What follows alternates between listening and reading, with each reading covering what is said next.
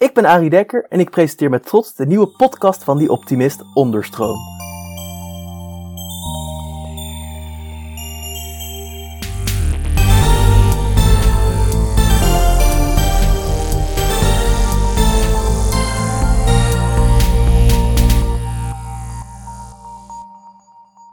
Hallo iedereen! Zoals altijd bieden wij om de week een podium aan mensen en ideeën die meer aandacht verdienen. Vandaag spreek ik met Liane Hoornweg over het Belgische ontwikkelingsagentschap Enable. Nou, zo'n uh, agentschap wordt opgezet door een overheid om economische groei en sociale ontwikkeling te stimuleren. Hallo Liana. Hallo. Heb ik het goed gezegd? Dat is een ontwikkelingsagentschap, toch? Ja, het is het Belgische ontwikkelingsagentschap, ja. Um, en het is inderdaad de bevordering van sociale en economische ontwikkeling in ontwikkelingslanden. En daarbij doen we ook een deel uh, bewustwording in België. En nu een heel klein beetje in Nederland vandaag. Jazeker. Nou, maak je geen zorgen, we hebben ook heel veel Belgische lezers. Ik kon namelijk zover ik zocht niet iets vinden over een Nederlands ontwikkelingsagentschap. Nee. Ja, nou, misschien kan het dus ook nog een inspirerende, nou, inspirerend zijn voor de Nederlanders. Want dit is dat wij nodig hebben. Laten we erachter komen. Ik denk namelijk dat het goed is om bij te beginnen. Uh, ik vind namelijk een heel mooi doel natuurlijk, sociale en economische groei. Sign me up. Ik denk dat niemand gaat zeggen, daar doen wij niet aan hier. Maar het is natuurlijk wel een beetje, het zijn grote doelen, een beetje vaag. Hoe vertaalt dit zich naar de werkelijkheid, deze doelen? Dat is altijd de beste vraag die je kan stellen aan iemand die in de ontwikkelingssamenwerking werkt. Want het is ontzettend moeilijk om uit te leggen als je werkt voor bijvoorbeeld een ontwikkelingsagentschap of een grotere ontwikkelingsorganisatie, omdat de projecten dan al heel snel niet meer zo hands-on zijn. Als je bijvoorbeeld hebt wanneer particulieren, of zo noemen we dat dan, particulieren of mensen, bijvoorbeeld naar Kenia zijn geweest, daar op safari gingen, in een dorp hebben geslapen en besloten, oh, daar er is onderwijs nodig, of er moet een waterput worden geslagen, of wat, weet ik veel uh, wat voor uh, problemen er zijn en waar oplossingen voor nodig zijn. Dat doen we niet. We doen het wel, maar het is een soort van keten. En dan is het helemaal aan het einde van de keten en niet per se in onze handen, maar dan eerder in die van onze partners. Dus wat is, ik moet echt even helemaal terug naar wat is dan zo'n Belgisch ontwikkelingsagentschap? Het is het uitvoeringsorgaan van de Belgische minister voor ontwikkelingssamenwerking. Ze is net een nieuwe minister, uh, Miriam Kitier. Zij is eh, minister van ontwikkelingssamenwerking geworden en zij bedenkt of bepaalt beleid. En ze zegt voor België hebben we deze en deze speerpunten. Bijvoorbeeld, zij zet nu heel erg in op uh, sociale bescherming. Dus dat zijn verzekeringen en stelsels waarmee de allerarmste bescherming gebieden of verkrijgen. En ze zet in op decent work, dus dat je goed betaald krijgt voor het werk dat je doet. Dat betekent, dat zijn zeg maar een soort van die buzzwords en daar moeten wij dan mee aan de slag. Nou, dan begin je met het concept en dat werk je dan uit tot een project waarbij bijvoorbeeld, uh, we doen dat in Senegal, hebben we die ervaring bijvoorbeeld, dat we um, sociale verzekeringen, of in dit geval de ziektekostenverzekeringen voor de allerarmsten, dat normaliter hebben allerarmsten niet toegang tot de banken, tot verzekeringen, tot sociale instanties. En wij zorgen er dan voor dat er een verzekeringsstelsel is waarmee zij wel premies kunnen betalen en waarmee ze van de ziekte, van de gezondheidszorg in het land gebruik kunnen maken op het moment dat ze ziek zijn. En waarmee ze dan nou ja, hun kosten vergoed krijgen door het verzekeringssysteem. En dat zijn best complexe zaken en zijn niet zo heel makkelijk te vertalen naar wat doe je dan precies. Dat is echt, echt een heleboel werk. Het is redelijk ingewikkeld om zo'n stelsel op te zetten, uit te denken, de juiste partijen in te schakelen. Je moet iemand vinden die het ziet zitten om voor mensen die eigenlijk helemaal geen inkomen hebben of heel weinig inkomen hebben, een verzekeringsstelsel op te zetten. Dan neem je nogal een groot risico mee. Nou, en daar komen wij in de picture, want wij dekken dat risico dan voor een deel af met subsidies. Ja, precies. Dus eigenlijk jullie zijn de bo ja, zoals je, zei, denk ik best wel mooi dat jullie helemaal bovenaan staan. Dus je hebt een daadwerkelijke uitwerking, daar zit de stap boven, jullie zitten de bovenste stap. Dus wat jullie dan eigenlijk een beetje doen, als ik het ook zo begreep van jullie website, is dat jullie ja, dus inderdaad mensen de mogelijkheid geven om dit te gaan doen. En ook gewoon uitleggen hoe het dan zou moeten. jullie geven het door, jullie connecten de juiste mensen met de juiste mensen. Uh, dus zeggen, hey, hallo, dit is Frank, hij doet dit en dit. Handig als je dan iets met digitaal wil doen. En zo voort, neem ik dan aan, toch? Dat is een beetje dan jullie taak hier. Het is handig om toe te voegen dat we dus voornamelijk werken, want wij zijn een gouvernementele instantie, dus wij zijn van de regering. En we werken ook vaak samen met de regering. Dus wij, wij werken met ministeries of met lokale instanties, maar heel vaak wel om te proberen om regeringen in ontwikkelingslanden te versterken, zodat ze zelf, bijvoorbeeld met ziektekostenverzekering, dat ze dat kunnen blijven doen. Dat dat niet stopt op het moment dat wij weggaan. Dus het is heel erg het, versterken van het systeem. Dat maakt het altijd zo lastig om uit te leggen. Want hoe leg je nou uit wat het systeem is? Dat is in Nederland al heel erg lastig. Ik denk dat je met de, de voorbeelden dat je die nu al een beetje geeft, al best goed een beeld schetst. Dus gewoon, ja, dus zoiets als een ziekte, ja, zo'n stelsel dat je dan opzet, inderdaad. Ja, dat is natuurlijk wel een goede manier om dit denk ik wel voor te beelden. Maar ik vind het dan wel interessant, hè. Er zijn natuurlijk organisaties, losse organisaties, die niet per se met de overheid hebben te maken, die dit ook doen. Je hebt verschillende goede doelen. Je hebt uh, bedrijven die vinden dat ze ook hier genoeg aan doen al door, nou, in de, door neveneffecten. Maar waarom is nou een ontwikkelingsagentschap echt, nou, misschien niet dan de manier, dat vinden mensen nooit zo fijn om te horen, dat het de enige manier is, maar een goede manier om dit te doen? Ja, er zijn meerdere goede manieren om het te doen. Want ik geloof ook, Nederland heeft geen ontwikkelingsagentschap. Dat, uh, dat zei je inderdaad. Dat uh, is een keuze geweest in de tijd. Volgens mij was het van Herfkunst. Die dat heeft afgeschaft. Want wij hadden SNV. Dat, dat, was, of dat hebben we nog steeds, maar dat, is nu, dat heeft geen uh, bilaterale status meer. Het is een manier. Ja, het is een wereldje hoor. Het is niet, het is niet alleen maar projectjes bedenken. Er zit een heleboel denkwerk achter. Het is, er zit heel veel sociale, weet je, sociale concepten die je ook voor westerse samenleving toepast, die passen wij ook toe, maar dan in een context van de ontwikkelingssamenleving. Um, maar waarom het een goede manier is, voor ons betekent het, wij, wij zijn een soort van tussenpersoon. Wij hebben, wij hebben, dus we zijn een overheidsinstelling, een private overheidsinstelling, om het nog ingewikkelder te maken. En wij kunnen de brug slaan tussen expertise uit België en benodigde expertise in een land op het niveau van publieke diensten. Dus, om je een voorbeeld te geven daarvan, Burkina Faso is aan het investeren in haar politiemacht en wij kunnen dan ervoor zorgen dat mensen van de Belgische politie samenwerken of, daar, of naar, daar naartoe gaan om opleidingen en trainingen te geven aan de politie in Burkina Faso over een bepaald concept. In dit geval gaat het over community policing. Dus hoe ben je uh, buurtagent, noem het zo. Dat is iets wat niet in het denken zit van het ministerie van, uh, nou ja, zeg maar wat boven de politie staat. En dat is dan iets waarbij zij aan België hebben gevraagd, kunnen jullie ons helpen? En het voordeel daarbij is, voor Enable, wij zijn een Belgisch ontwikkelingsagentschap. Dat betekent dat we Nederlandstalig zijn, maar ook Franstalig.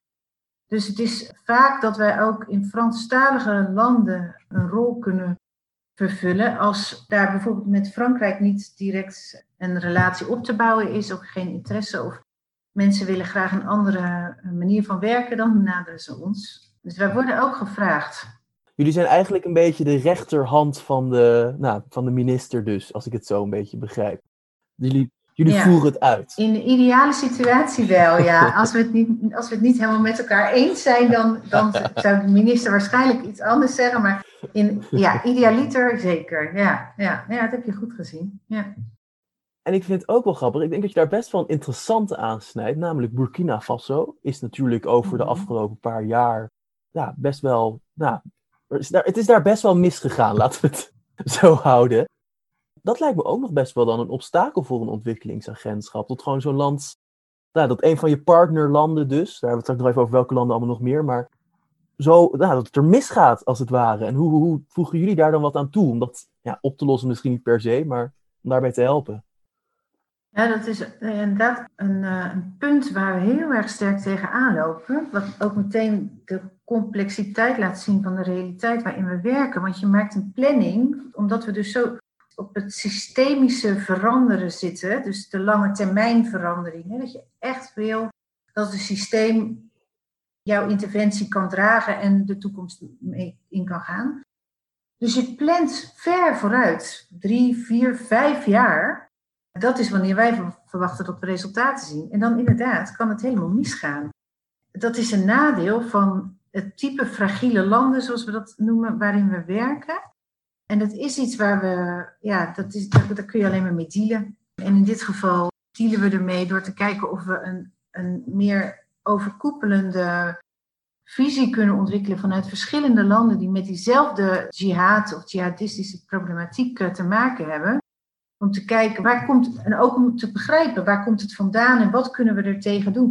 Maar vooralsnog, wij zijn geen humanitaire organisatie, dus aan noodhulp doen we eigenlijk niet. We zijn ook geen defensieorganisatie. We kunnen wel de Belgische defensie van informatie voorzien, maar wij zijn niet degene die de troepen aansturen, zou ik maar zeggen. Dus het is voor ons, wij vervullen de rol van kennisoverbrenger. Ja, en het delen van informatie over de context en de situatie.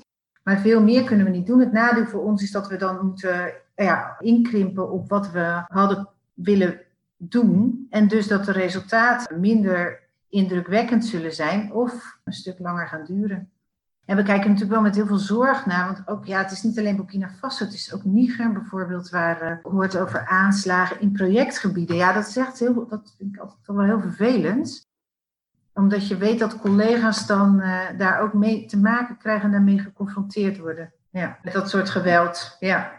Ja, poeh, jeetje. Ja, ik, ik, ik vind het juist heel mooi dat, dat jullie bijna nou, niet afschrikt, als het ware. Dat jullie ook echt zo zijn van, we gaan niet met het leger daarheen en dan op, de, nou, op een klassieke politieke manier. Ik ga geen namen noemen, want dat heeft nooit nut met dit soort dingen. Even gewoon de boel kort en klein slaan en dan zeggen: opgelost, doei.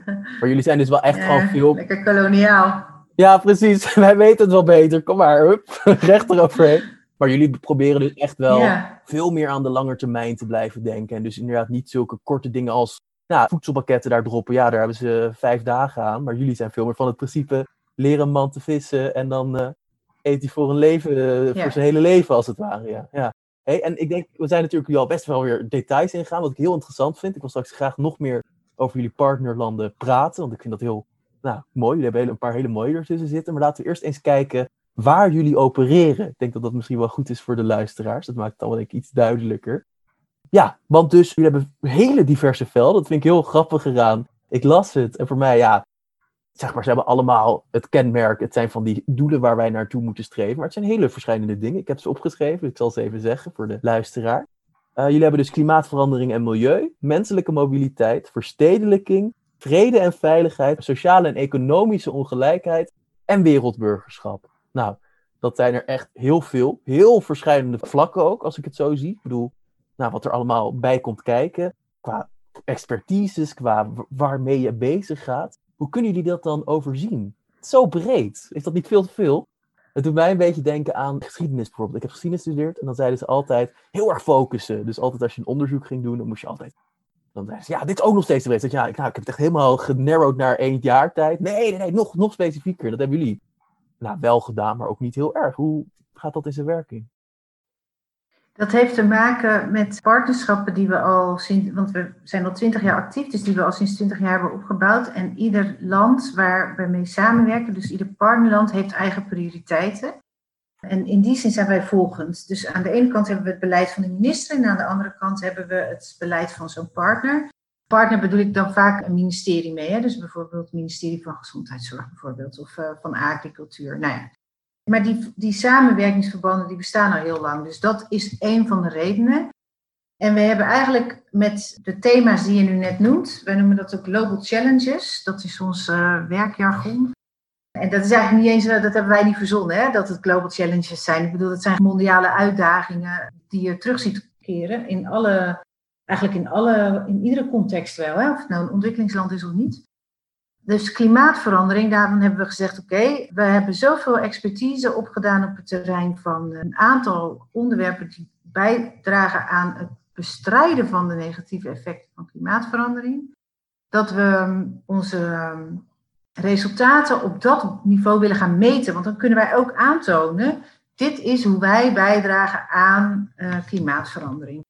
En hetzelfde geldt eigenlijk voor uh, menselijke mobiliteit of human mobility, het andere woord is migratie.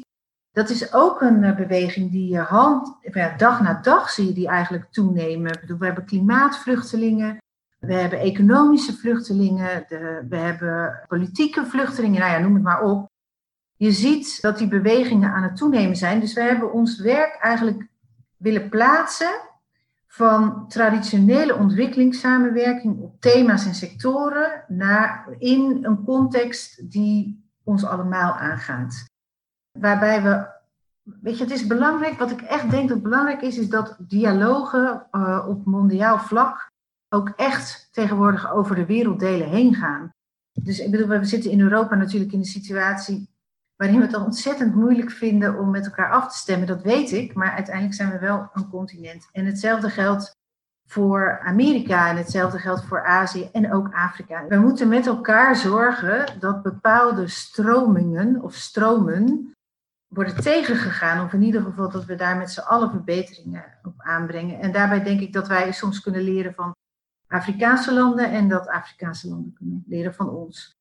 Maar dat blijft heel breed, dat snap ik. Of we meer focus hadden moeten aanbrengen, ik denk dat dat gaat komen. Ik denk, ik denk niet dat we breed op deze vijf thema's zullen blijven werken, maar dat we in de loop van de tijd gaan merken hoe we meer resultaat kunnen bereiken door verder in te zoomen. Maar gaat, we gaan niet over één nacht ijs, omdat we uiteindelijk niet degene zijn die dat beslissen.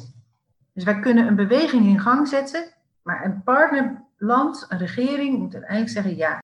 De Belgische buitenlandse zaken, de ambassades moeten ook op een gegeven moment zeggen: ja, dit is wat we willen. Dus wij zijn alleen maar facilitator. In die zin, in, ja, ik begrijp dat in België soms mensen van niet-governementele organisaties een beetje jaloers naar Enable kijken, omdat wij vrij makkelijk beschikking hebben over budget. Ja, ik vind dat niet per se waar, maar goed, oké, dat is een, een, ja, dat is een mening die eerst. Maar ik denk wel dat ze onderschatten wat daarbij meekomt. Want bij een niet-governementele organisatie ben je echt vrij om je eigen beleid te bepalen. Binnen de context van degene die jou geld geeft natuurlijk. Maar het is niet hetzelfde als wat wij hebben. We hebben zoveel verschillende actoren waar we rekening mee moeten houden, die we op één lijn moeten krijgen voordat we iets kunnen doen. Ja, dat is echt wel, uh, daarom is het ook een lange termijn visie. Want voordat dat gebeurd is, zijn we wel even een paar weken verder.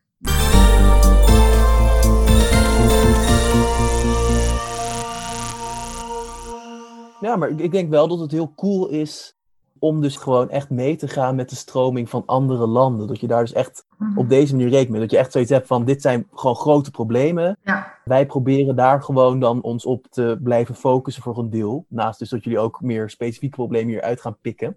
Om dan dus ervoor te kunnen zorgen dat jullie echt nou, op elk gebied eigenlijk hulp kunnen bieden. Maar dan vraag ik wel nog steeds af, dus bijvoorbeeld nu, want jullie zijn nu ook gewoon actief. Ja, in de toekomst wordt het misschien specifiek, maar voor nu heb je het nog zo breed. Hoe gaat dat dan in zijn werking? Dus stel een land vraagt om ja, klimaathulp. Hebben jullie dan gewoon mensen klaarstaan op kantoor die zeggen: Yo, we gaan daar. Uh, nou, Nigers, dan is niet een goed voorbeeld, maar even de enige waar ik op kan komen. Hop, we gaan erheen en we doen het. Of hoe, hoe, hoe, misschien sowieso wel leuk om jullie werkproces een beetje uit te lichten. Ja, dat begint met, we zijn nu bezig met een aantal landen, die krijgen een nieuwe, een nieuwe cyclus van vijf jaar. En dat begint met een instructiebrief. Een instructiebrief van de minister. Dus de minister schrijft, voor dit land wil ik, zijn dit en dit en dit mijn prioriteiten. Het kan zijn klimaatverandering, het kan, zijn, het kan ook nog steeds zijn een sector, het kan zijn onderwijs, gezondheidszorg, sociale protectie waar we het net over hadden. Dan gaan wij, want we hebben in ieder land een kantoor en dan gaan wij, dat kantoor werkt samen met de ambassade, dus daar vindt afstemming plaats. En dan gaan wij aan de slag met het vormgeven van een programma voor het land. En daar is een vrij, dat is een brede consultatie. We vragen allerlei experts, ook vanuit Brussel hebben wij technische experts. Die vragen we dan om bij te dragen aan het idee van zo'n landenprogramma. En dan aan, het einde van dat hele, dat kost wel even een aantal weken, aan het einde daarvan hebben we dan een voorstel. En dat wordt dan met de partners besproken en al dan niet goedgekeurd. Meestal wel, want er is zoveel consultatie plaatsgevonden dat de partner zich daar ook in terug kan vinden, want die zijn daarbij betrokken geweest. Ja. Het is heel omslachtig. Het is niet zo dat wij, zo zeggen, het is niet zo dat wij gaan zitten en zeggen, nou, het lijkt ons nou eens leuk. Of we, we hebben gezien dat hier een tekort is aan water. We gaan even een paar waterputten slaan. Ja, zo werkt het niet. We moeten echt, echt iets meer werk doen. Ja. Ja, wel echt heel cool zeg. Ik had namelijk eerst echt nog niet helemaal door dat jullie ook echt... Ik dacht gewoon, jullie vanuit België opereren jullie, maar jullie zijn echt gewoon een bijna internationale organisatie. Dat is echt heel... Ja, ja, ja, nou, ja, ja, ja, Ook wel moeilijk lijkt me. Ja, ja, ja, nee, nee. We, we hebben, even, dan moet ik even goed zeggen, we hebben volgens mij in Brussel nu zo'n beetje 150 mensen werken. En wereldwijd 1500.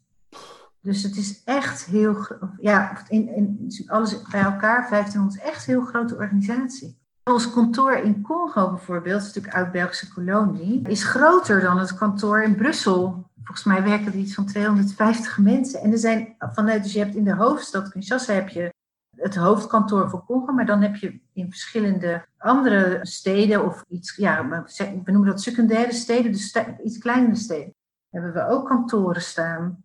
Ja, waar mensen gewoon aan de slag zijn met, met mensen van ministeries of in dit geval lokale overheden om de projecten uit te voeren. Dus het is ook vaak een tandem. Je ziet dat iemand vanuit de Belgische coöperatie, vanuit de Belgische, vanuit de NEBEL dan, hè, dus vanuit het Belgische ontwikkelingsagentschap, samenwerkt met een ja, peer, hoe noem je dat? Uh, gelijk, uh, gelijkaardig iemand van de lokale overheid. Ja. En die werken dan samen aan projecten. Dus jullie hebben er eigenlijk echt gewoon voor gezorgd dat jullie overal waar het nodig kan zijn binnen jullie natuurlijk raakvlak, eigenlijk gewoon, nou niet echt specialisten, maar gewoon mensen die weten hoe alles in elkaar zit zitten. En die kunnen dan, zo kan je het dan aan elkaar doorgeven als het ware. Dus iemand die in die stad in, in Congo zit, die weet dan precies hoe daar alles in elkaar zit. Dus als dan zo'n land aangeeft, dit is een probleem, weet hij al meteen, ja, maar dat gebeurt hier en hier. Of hij weet de mensen die hij moet aanspreken om te vragen, hey, hoe zit dat hier en hier, als het ware. Dus dat is voor mij een beetje dan, dus jullie hebben echt gewoon een soort van ja, kennistank, als het ware, waar jullie uit kunnen putten. Dat is precies wat het is. Ja, dat, maar dat is echt precies wat het is. Dat je, dat, wij zijn een, uh, een grote kennistank, ja, dat is goed gezegd eigenlijk. Ja, die ga ik gebruiken in het vervolg. Ah, wat super. ja, cool. we, doen, we, we, voeren, we voeren niet. Ja, dus we sturen aan en we voeren uit samen met. Ja. ja. En dat is denk ik ook de beste manier om met zo'n langere groei. Want als je inderdaad, nogmaals, het hele het oude spreekwoord, leren man vissen. Ik bedoel, je kan gewoon iemands hand vasthouden en meesleuren. Of je legt hem uit wat je aan het doen bent en probeert hem zover te krijgen. Ja. Het is natuurlijk eigenlijk heel, uh, ja, super logisch. Ik snap, ja, dat is vanzelfsprekend. Hey, ik vind namelijk ook wel interessant, want bij wereldburgerschap komt er nog wat meer kijken. Uh, jullie specifieke puntje wereldburgerschap. Namelijk, jullie hebben ook dus wel heel erg een doel om de burger, dus wereldmensen, zich te laten voelen als wereldburgers. Dus ons verantwoordelijk te laten voelen over een veel grotere schaal. Maar als ik dit dan allemaal zo hoor, voelt het een beetje, ja, niet exclusief natuurlijk hoor, want dat is wel heel vergaand. Maar alsof ik hier niet heel veel mee te maken heb, als het ware. Dat, uh, ja, dat snap ik wel. Nee, ik snap heel goed wat je bedoelt. Ik snap echt heel goed wat je bedoelt, want dat is inderdaad een kloof bijna. En die proberen we te overbruggen. Want uiteindelijk, ja, jij hebt er niet zoveel mee te maken, want jij werkt, uh, of je, je werkt in, in Nederland, je betaalt je belastingcentjes in Nederland. Mhm. Maar iedereen die in België werkt, betaalt daar keurig zijn belastingcenten. En dat komt voor een deel toch echt op de rekening van de Nebel te staan. En dat werk doen wij. Dus wij vinden dat we op die manier toch een verantwoordelijkheid hebben om iedereen op de hoogte te stellen van wat we doen, nummer één. Maar ook ervoor te zorgen dat, in ieder geval, we zetten heel erg in op jongeren en consumenten. Dus jongeren in dit geval op de basisschool, en volgens mij ook een deel van de middelbare school, daar zou ik heel even moeten nakijken. Dat in ieder geval die jongeren worden meegenomen in het verhaal van wat betekent het om in de wereld te leven. Dus niet alleen maar Belg te zijn, maar ook de wereld breder te bekijken. En wat betekent dat dan? Dus ja, gewoon ook wat meer begrip. Het is niet eens dat je begrip krijgt voor iemand die in Oeganda op school zit. Het betekent ook dat je begrip krijgt voor iemand die uit een minder goede wijk komt in de stad waarin je zelf woont. Dat je je openstelt voor andere denkwijzen, andere manieren van doen. In Nederland hebben we het ook, het idee van wereldburgerschapseducaties. Vaak wordt het op eh, lagere scholen gedaan. En ook middelbare scholen trouwens, gewoon om jongeren bewust te maken van het feit, het land waarin je leeft is maar één van de vele landen in de wereld. En je kan echt door je eigen gedrag bijdragen aan betere praktijken. Een eigenlijk kan je bijdragen aan een betere wereld. Het begint bij jezelf, toch? Het was toch niet slogan? Een betere wereld begint bij jezelf? Ja. Dat is wat we proberen. En de andere tak van bewustwording is de Week van de Fairtrade. Die organiseren wij ook. We hebben een Trade for Development Center, zoals het heet. En die hebben veel contacten met allerlei bedrijven in België. Uh, op het gebied van de Fairtrade, uh, op het gebied van Fairtrade label. En zij organiseren ieder jaar een hele week rondom het thema Fairtrade. Ja, dus dat is ook een deel bewustwording. Ja, nou, ik vind het heel cool dat jullie dan al zoveel werk doen en zelfs dan nog denken van ja, maar we hebben nog steeds de verantwoordelijkheid om dit te verantwoorden. Terwijl eigenlijk, ja, jullie krijgen het gewoon, dat belastingsgeld, maar zelfs dan nog zetten jullie gewoon echt de middelen in om ook nog mensen nou, op de hoogte te brengen. Ja, hey, nou, het mag worden gezegd, maar ja, ik wist al dat dit een mooi doel was overigens. Maar, uh... Ja, we krijgen het niet gewoon, hè? Dat moet echt... Nee. we moeten wel laten zien. Tuurlijk. Ja, en het hangt heel erg af van de politieke wind die waait. Want België heeft natuurlijk een, een aantal maanden geen regering gehad omdat de formatie zo ontzettend lastig was. Want in Vlaanderen heeft de, nou ja, laat ik zeggen, de wind van rechts nogal hard gewaaid. En stel je voor dat er een minister was gekomen van een van de rechtse partijen, dan hadden wij niet zomaar dat geld nog gekregen. Dan wordt het, dan wordt het ineens heel, heel, heel tricky. Ja. Dus hebben, wij zijn heel blij met de regering die nu is gevormd. Ja, een beetje overlevingsinstinct is het ook wel, toch wel stiekem. Uh, hoewel het ook natuurlijk een mooie boodschap heeft. Ja, ja het, heeft, het heeft twee kanten, ja. ja, ja, hmm. Hey, en misschien nog wel ook even leuk om dus de andere twee. Jullie hebben nog eigenlijk drie nou, hele concrete dingen, namelijk dus bijvoorbeeld klimaat. Ja. Hoe, gaan, hoe springen jullie daarin op? Ik las over klimaatbestendige landbouw, duurzaam beheer van watervoorraden, groene stedelijke groei. Ja. Hoe gaan, springen jullie daarmee om? Dat is dan uh, dus weer die kennissterk. Herbebossing, ja, dus het zijn grote projecten, soms vanuit het Belgische ontwikkelingsgeld en soms vanuit de Europese Unie.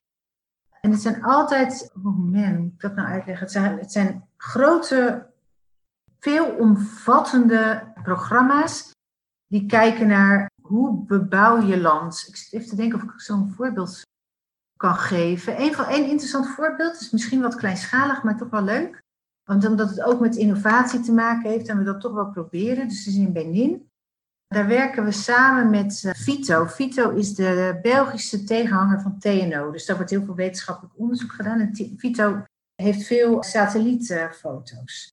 En met Vito werken we samen in dat project. Het is ook een project met drones. Dus drones gaan de lucht in en verkennen het gebied waar cashewnoten verbouwd worden. Om te kijken welke problemen er zijn op, op de uitgestrekte landerij die je dan hebt. En waar moet worden ingegrepen. En in de, samen, dus met satellietfoto's van Vito kun je trends ontdekken in klimaatverandering, in de manier van landbouw. Mocht er ergens illegale houtkap zijn, dan kun je dat zien. Weet je? Dus je kan eh, de hele omgeving in kaart brengen. En we trainen eigenlijk de lokale, lokale, maar gewoon, we trainen daar gewoon groepen of teams om zelf met die drones hun landbouwgrond in de gaten te houden, zodat ze hun oogst kunnen optimaliseren. Dus dat is bijvoorbeeld een project en dat is dan op een duurzame manier. Nou ja, dat soort projecten zijn het. Een ander, wat ik ook misschien ook wel een interessant voorbeeld is, is in Guinea.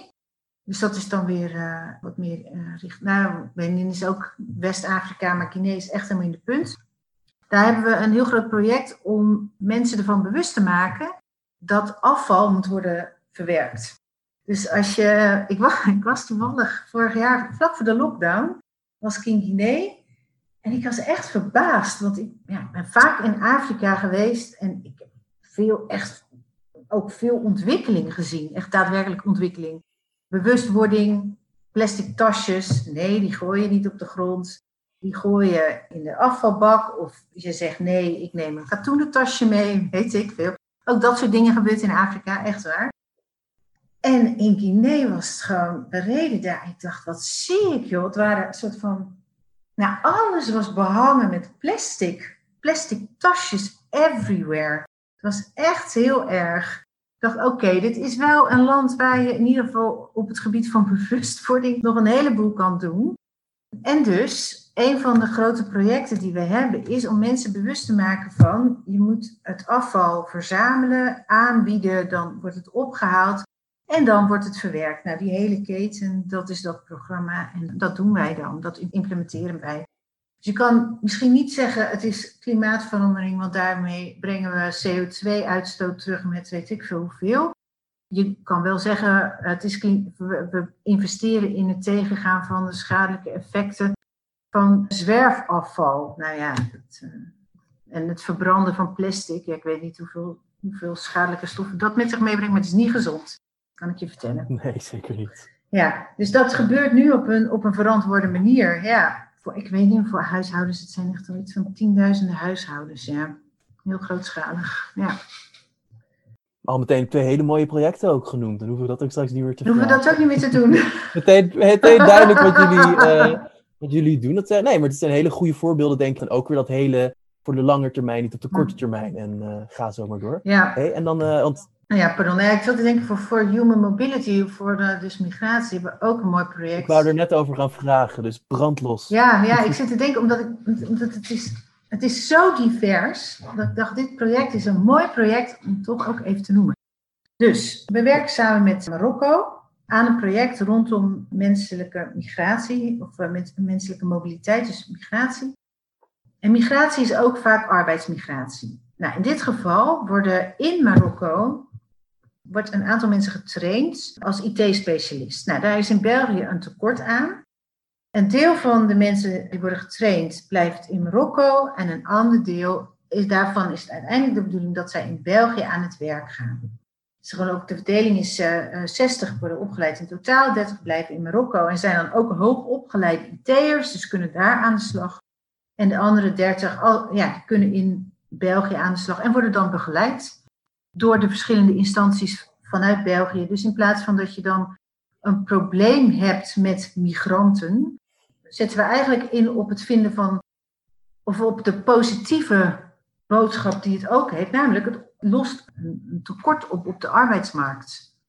Ja, dus dat is ook een van de projecten. Die is onlangs ook bezocht door de EU-commissaris uh, Johansen was ook helemaal onder de indruk ervan. Dus toch, dat vind ik dan toch wel leuk. Dat je dat met dat soort projecten, omdat ze een beetje afwijken en omdat we daar veel actoren of veel spelers bij elkaar zetten, die allemaal vanuit hun eigen expertise redeneren, maar samenwerken in plaats van elkaar tegenwerken, dat je dan toch een soort van ketenbenadering kan opzetten rondom mensen en, en arbeid, wat een voorbeeld kan gaan worden.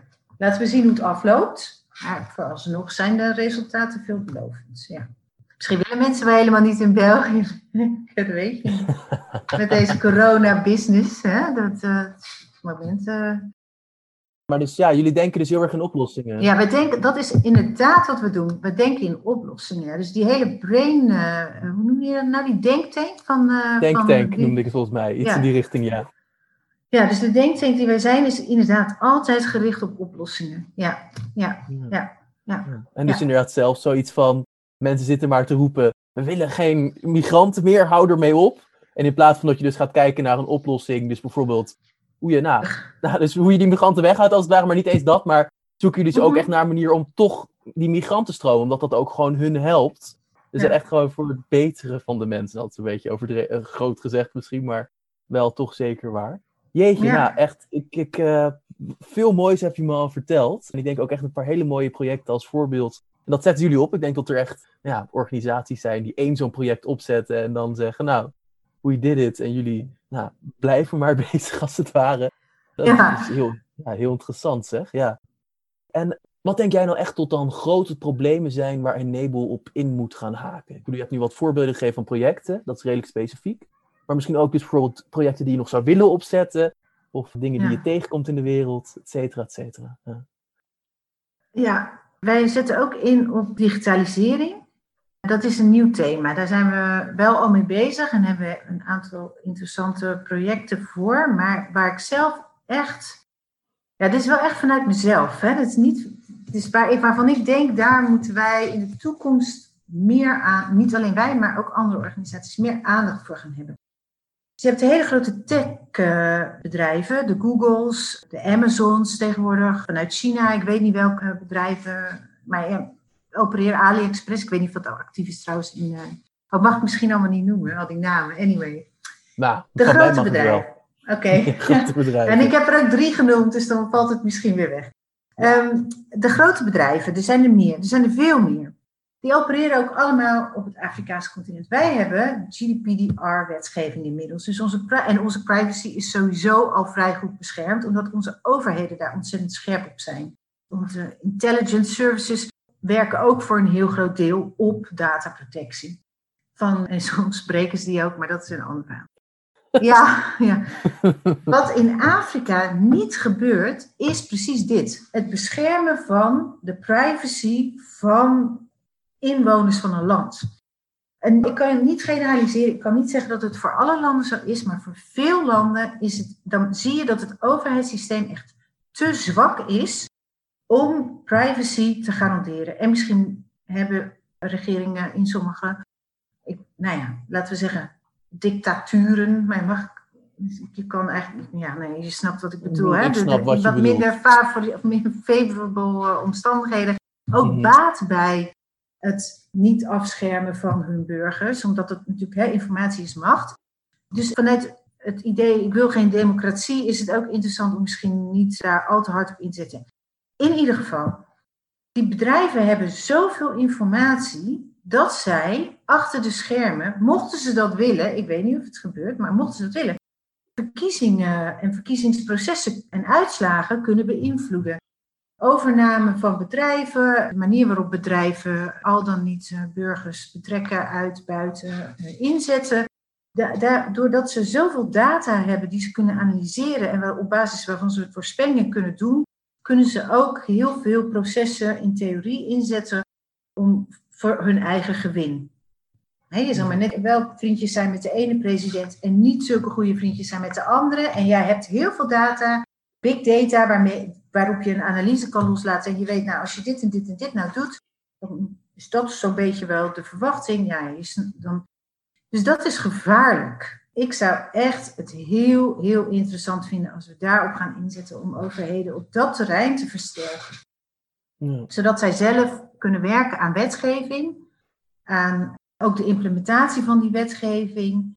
Uh, hoe hou je de grote bedrijven in toom? Want wij hebben die kennis allemaal al. Wij hebben dit allemaal. We lopen ook wel een beetje achter de feiten aan, hè? Met, de, met, de, met de disruptive bedrijven die dan ineens van links, van, die inhalen van rechts, zou ik maar zeggen. Maar het is wel iets waar wij in ieder geval snel kunnen opereren en alsnog regelgeving ontwerpen.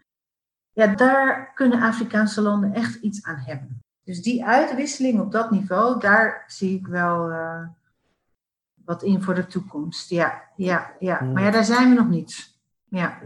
Nee, tuurlijk. Maar wel mooi. Het is mooi om te horen dat jullie nog wel wat te doen hebben. Anders ja. uh, zou het snel klaar zijn met de nevel. nou ja, dat is, dit is natuurlijk allemaal best wel ook weer high-tech, hoog niveau. Uiteindelijk moeten sommige gebieden gewoon nog steeds voorzien worden van water en onderwijs. Laten we wel wezen. En dat doen we ook. Mm -hmm. ja. ja. De denktank wordt ingezet. Ja, dan wordt de denktank ingezet en de jarenlange ervaring. Ja, ja. Mm. Hey, en ik heb nog twee vraagjes. Of nou, één grote vraag. Nou, twee grote vragen nog zelfs. Nou, maar in ieder geval. Ik heb namelijk eentje die ik wel interessant vind. Is natuurlijk wel tot eigenlijk wat jullie doen. En het is echt niet per se judgment hoor, maar meer gewoon een observatie. Natuurlijk wel heel erg gaat vanuit onze, voor mijn gevoel, een beetje onze westerse idealen. Dus dingen die wij zien als: dit is the way to go. Hier ligt de oplossing voor jullie, doe dat. Maar ja, is dat, is dat niet een probleem? Moeten we daar niet mee oppassen? Dat we zeggen tegen Burkina Faso, zo moet je het doen, als het ware, of tegen Niger. Hoe staan jullie daarin, zeg maar? Nou, dat is een hele goede vraag. Ja. Gelukkig. Dat risico heb je altijd. Ja, dat risico heb je altijd. Ik denk dat wij het voor een heel groot deel afkaarten door in het ontwerp, tijdens de ontwerpfase, van, van programma's samen te zitten en samen te werken met lokale overheden. En die, ja, dan moet je toch het vertrouwen hebben dat ministers en hoge functionarissen hun land vertegenwoordigen. En niet ons naar de mond praten zodat ze lekker veel geld krijgen. Want is ook een risico, dat zien we echt, dat weten we echt. We zijn niet naïef. En wij zijn daarin echt wel een hele kritische partner. Dat bewonder ik heel erg aan mijn collega's. Die zijn allemaal heel erg kritisch. Dus ook op de programma's die wij zelf voorstellen of waar we dan op uitkomen in samenwerking met partners, er wordt echt heel goed gekeken naar, is dit wat er moet worden, moet worden gedaan? Maar inderdaad, ja, wij opereren, het is, waar, we opereren vanuit het Westen. We hebben een Westerse visie. Ik bedoel, je zal niet, ons niet zo snel horen zeggen dat de democratie, uh, ja, dat we daar maar niet op moeten inzetten. Of dat uh, mensenrechten moeten worden gehandhaafd en dat vrouwen gelijkwaardig zijn aan mannen. Dat soort dingen zeggen we allemaal, ja. En dat kan onzin zijn, maar ik kan niet uit dat, ik kan niet uit dat denkframe stappen. Dat kan niet. Want ik ben daar uh, al mijn levensjaren in groot geworden. En ik geloof daadwerkelijk dat mannen en vrouwen gelijk zijn. En voor mij maakt het niet uit of jij komt uit een dorp ergens in het noordoosten van noem een land. Wat hebben we nog, welk land hebben we nog niet genoemd waar we werken?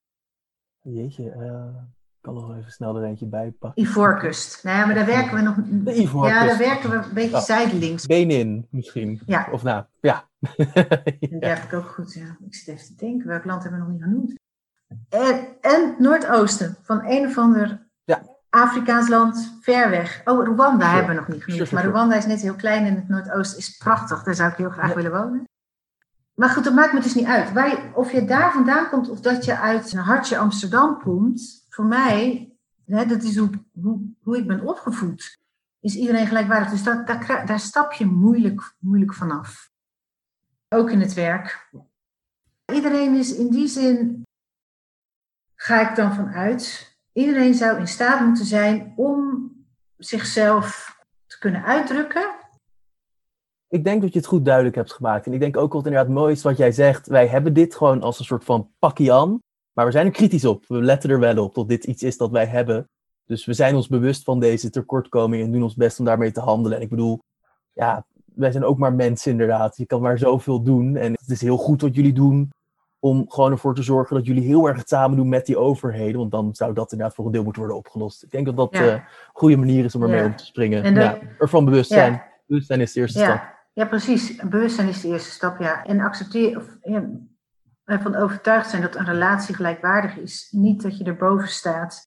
En dus als een witte man in de jaren zeventig in Congo gaat vertellen wat, je, wat degene die tegenover je staat moet doen. Dat doen we niet.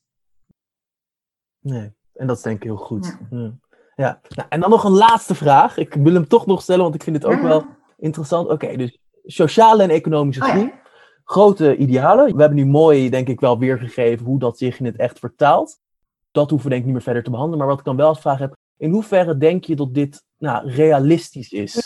Zo'n groot doel, zoveel idealen waar jullie heen streven. Zie jij dit gebeuren in de toekomst? Of proberen jullie maar gewoon deeltjes te doen? Ik bedoel, ja. ja. Wij krijgen het natuurlijk niet voor elkaar om sociale en economische ongelijkheid uit te bannen, omdat een deel van de toenemende sociale en economische ongelijkheid zit in het feit dat de rijken alleen maar rijker worden. Dus dan moet je naar India, dan moet ik naar de Verenigde Staten, om daar mensen te gaan vertellen: jongens, jullie zijn zo uh, ongelooflijk asociaal rijk. Zou je misschien een deel van je geld in dit doosje willen doen? Dan neem ik het wel mee naar. Dat kan ik niet doen. Dat kan ik niet doen. Wat we proberen is in onze projecten te kijken naar op het moment dat we investeren of inzetten op het vlak van economische groei, bijvoorbeeld de ondernemerschap te stimuleren, weten we ook dat er op het sociale vlak verschuivingen gaan plaatsvinden.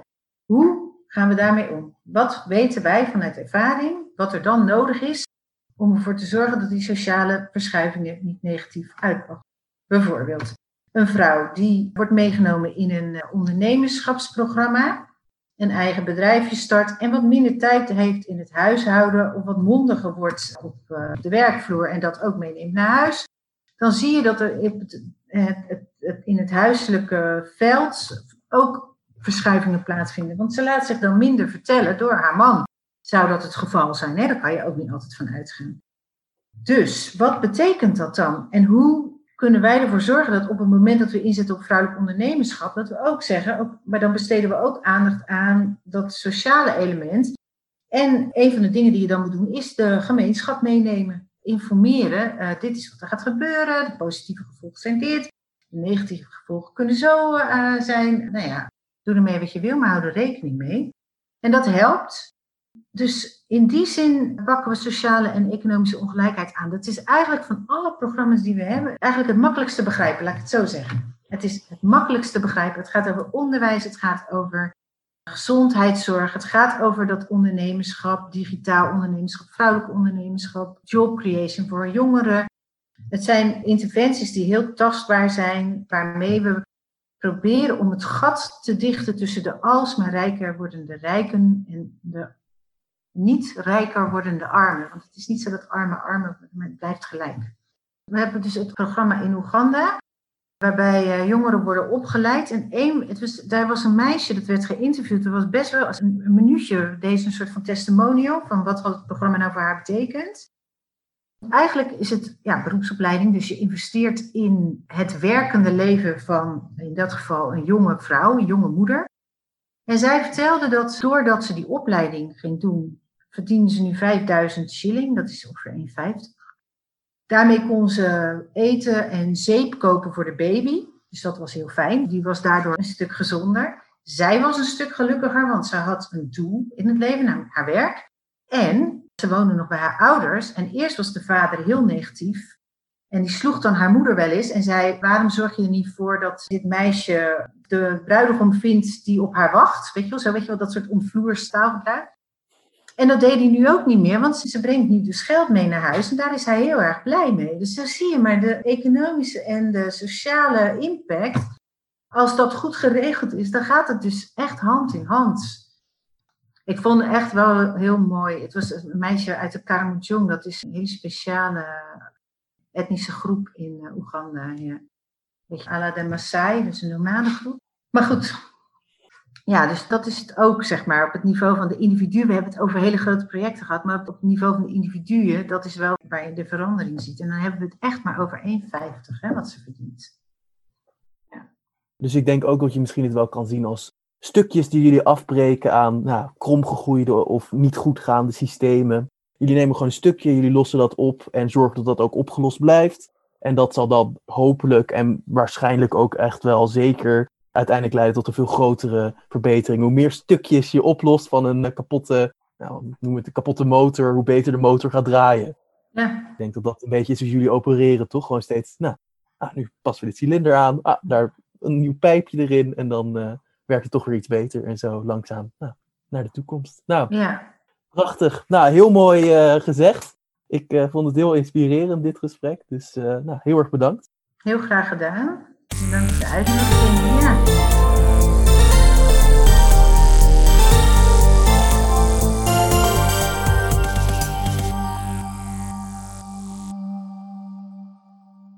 Nou, ik ga voortaan het werk van de Nebel met veel plezier in de gaten houden. Moet er ook een Nederlands ontwikkelingsagentschap komen?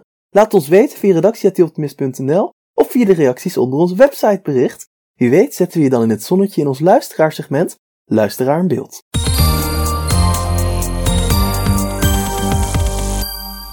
Deze week zetten we niet één, maar twee luisteraars in de spotlight. Jong Co, een Haarlem Centrum voor Ouder en Kind, blijkt naar wat extra onderzoek, zegt dat ze zelfs willen dat wat Frits zegt een stapje verder wordt genomen. Weer een inzichtgevende, boeiende podcast. Alle geluiden helpen.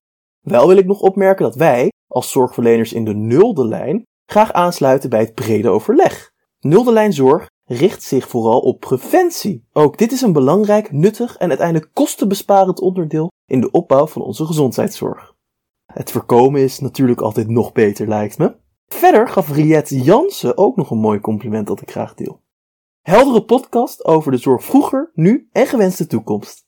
Dankjewel, Riet.